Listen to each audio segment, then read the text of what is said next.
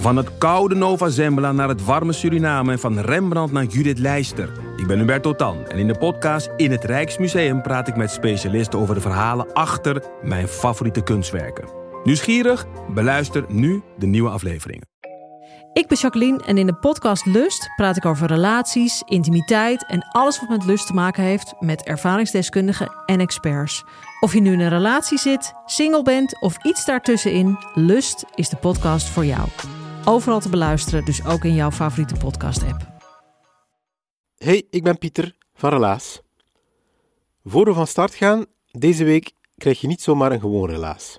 Wel stellen we vol trots een nieuwe podcast voor. Een samenwerking tussen Relaas, Natuurpunt en FMDO. Natuurpunt kan je kennen als de geweldige vereniging die instaat voor het behoud van onze natuur. En FMDO versterkt mensen die een duwtje in de rug kunnen gebruiken in onze superdiverse samenleving. Samen met ons relaasteam levert dat de podcast Verhaal de Natuur op, met natuurverhalen zoals wij ze niet vaak horen. Sommige zijn waar gebeurd, anderen verzonnen, maar altijd hebben ze een link met de natuur en worden ze verteld door mensen met een superdiverse achtergrond. Onze nieuwe podcast Verhaal de Natuur kan je ook terugvinden in je eigen favoriete podcast-app. Maar de komende weken delen we ook enkele verhalen hier in onze relaasfeed. Wij delen de waargebeurde verhalen uiteraard, natuurverhalen verteld door de mensen die ze zelf hebben meegemaakt. Veel luisterplezier met Verhaal de Natuur.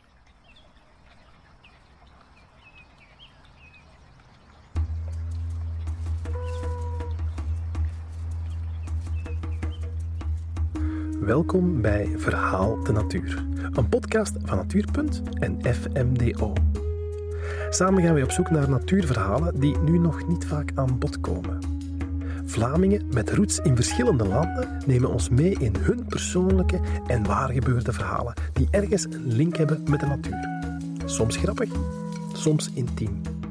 En door naar elkaar te luisteren, ontmoeten onze natuur en wereldbeelden elkaar. Dit verhaal is van Fatiha. Het verhaal gaat over haar moeder, een prachtige vrouw die voor haar gezin moest zorgen in moeilijke omstandigheden in de bergen van Marokko. De natuur stak haar een handje toe. Hal tatakalam al Arabia? Spreek je Arabisch? Er is ook een Arabische versie van deze podcast. Uh, mijn moeder heeft heel veel leuke eigenschappen. Zij is vrijgevig, dus als mensen bij ons kwamen, zij kookt voor hun en uh, we moesten eigenlijk alles uit de, de, koelkast geven voor die mensen, om die mensen vrede te stellen. En ze heeft ook heel enorme uh, spirituele intelligentie. Zij, zij biedt heel veel. Dus bidden, en bij de Westerling is eigenlijk meditatie. Zij deden kei veel. Elke keer dat ik binnenkwam, ja, mijn moeder is dat eigenlijk op de mat. en uh, zij is ook moedig, courageus. En door, zij heeft ook doorzettingsvermogen. En zij is ook onderneemster. Ze heeft nog andere eigenschappen eigenlijk, heel veel eigenschappen. Zij is bekend in onze Marokkaanse gemeenschap, familie. Zij is eigenlijk bekend een vrouw met een, sterk karakter. Maar nu, wat gebeurt is eigenlijk uh, vroeger? Uh, uh, door de Spanjaarden en, Span en Fransen, die hebben eigenlijk ons land gekoloniseerd. En die hebben eigenlijk alles geplunderd.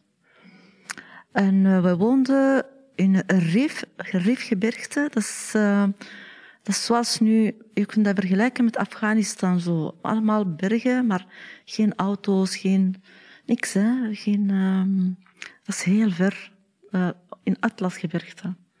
Atlasgebergte is heel hoog, dat is heel mooi, maar um, er is weinig verkeer. Of, um, en de economie was helemaal plat. We hadden niks eigenlijk. Uh, dat was echt armoede. Zwaar, zwaar, zware armoede, uh, heb ik gehoord van mijn moeder. Um, en ze had vier kinderen. Dus ik was eigenlijk de vierde baby, vierde kind. Hè. En mijn vader, ja, um, ze hadden eigenlijk niks. En mijn vader die zei tegen mijn moeder, ja kijk, uh, we hebben twee oplossingen. Ofwel gaan we sterven van de honger, ofwel moet ik mij bewegen en naar stad te gaan. Stad, dat is een beetje... Dus als hij van Rief naar stad moet hij drie dagen doen, of vier dagen. Dus verschillende, allee, met de auto, maar ook met ezel, paard en... Hè. Dus dat is heel ver. Of een week zo, zeg maar. Dat is, dat is niet gemakkelijk, hè. Oké, en uh, hij zegt, ja, kijk, ik ga naar de La, Larache. Daar uh, woonden eigenlijk zijn broers. En die broers die hebben allemaal goed, die hebben winkels. En ik ga misschien met hun werken. En dan kom ik jullie terug uh, bezoeken of uh, meenemen. Oké, hij is gewoon vertrokken. Maar mijn moeder die had niks. Niks, nada. Vier kinderen, baby. En zij, zij was eigenlijk, uh, hoe moet ik zeggen, zij was een vrouw die wordt door heel veel mannen, uh, die was aangetrokken door, allee, die, veel mannen die wilden eigenlijk met haar trouwen, maar zij zegt, nee, ik ben getrouwd met die man. Ze was ook een trouwe vrouw met, voor, mijn, voor, de voor mijn vader. Oké, okay, um, ja, ze krijgt een beetje eten van die en daarna van de broer, van de tante, van familie. Maar die familie die hadden ook niet veel. Die hadden ook niet veel breed. En ineens, ehm, de oma, die zei tegen haar dochter, ja, tegen mijn moeder, ja, mijn dochter, ik heb echt medelijden met jou, want je hebt vier kinderen, je man is weg. Jij, er is niks te doen en jij moet thuis blijven met je kinderen. Dus ik geef jou twee konijnen twee konijnen. En hopelijk dat die konijnen nog konijntjes krijgen. En misschien kun je eigenlijk verder leven met, met, met die konijnen. Ja, mijn moeder heeft dat gekregen en ze was blij. En um, ja, en ze begon eigenlijk um, die konijnen goed te verzorgen. En mijn oudste zus, ik herinner me, Alice heeft dat heel veel vaak verteld, ze wordt zelfs om drie uur s'nachts en die begon hun te, te strelen om niet dood te gaan. Want dat is eigenlijk dat is de enigste hoop. Een, mannelijk en vrouwelijk konijn. Als eentje doodgaat, dan, dan zijn we eigenlijk allemaal dood. Dus, uh, en uh, echt, uh, ze heeft die konijnen zo goed verzorgd.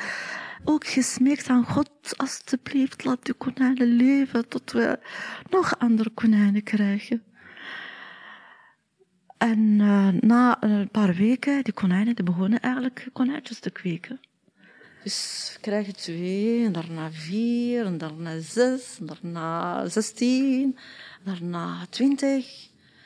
En het hele stal is een stal van konijnen. Dus de kamer was vol met konijnen. Dus gelukkig, we krijgen eigenlijk eten, uh, dus tagine met konijn. Dat is super lekker. Heb dat gegeten, ah, dat is lekker. Maar mijn moeder die zei, oei, we kunnen dat ook verkopen. We kunnen andere mensen eigenlijk ook gelukkig meemaken. Dus uh, mijn moeder begon eigenlijk te ondernemen vanuit thuis. Dus iedereen uh, kent precies het huis van, uh, van onze moeder, van die schone vrouw.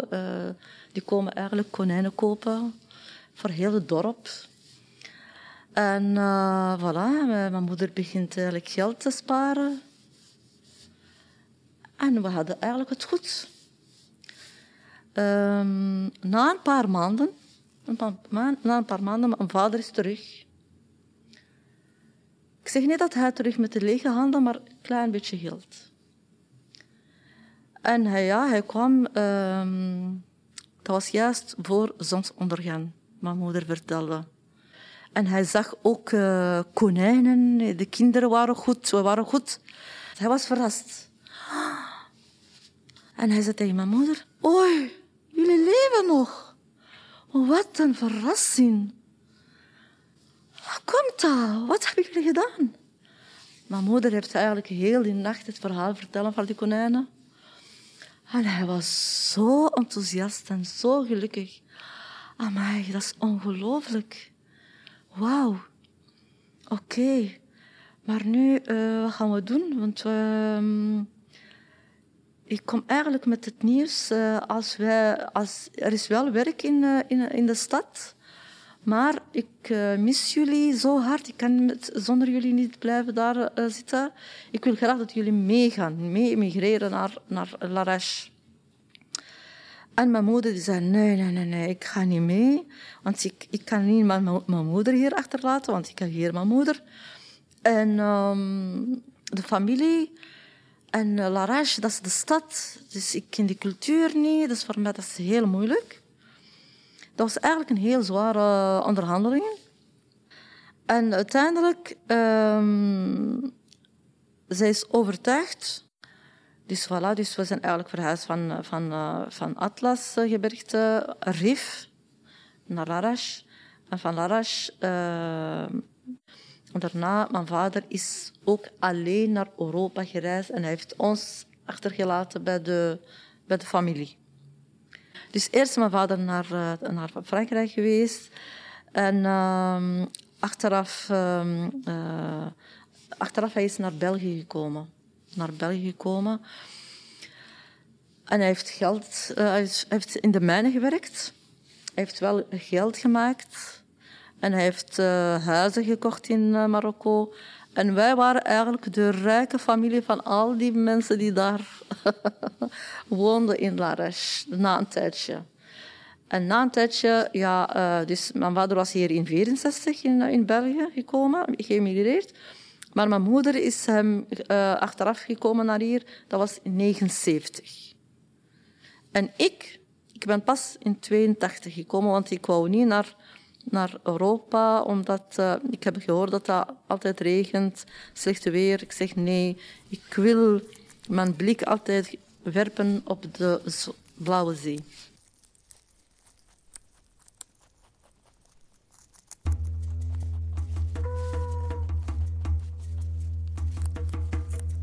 De podcast Verhaal de Natuur is een samenwerking tussen FMDO, een vereniging die werkt aan positief samenleven in diversiteit en Natuurpunt. Ze kwam tot stand onder deskundige begeleiding van Relaas. Deze podcast is deel van nog meer uitwisseling en dialoog tussen natuurgidsen, rappers, slampoëten en de superdiverse leden van FMDO. Beter van dit project is Antwerp stadsdichter Sekou. Meer resultaten kun je bekijken en beluisteren op natuurpunt.be verhaal de natuur. Een project met steun van de Vlaamse overheid.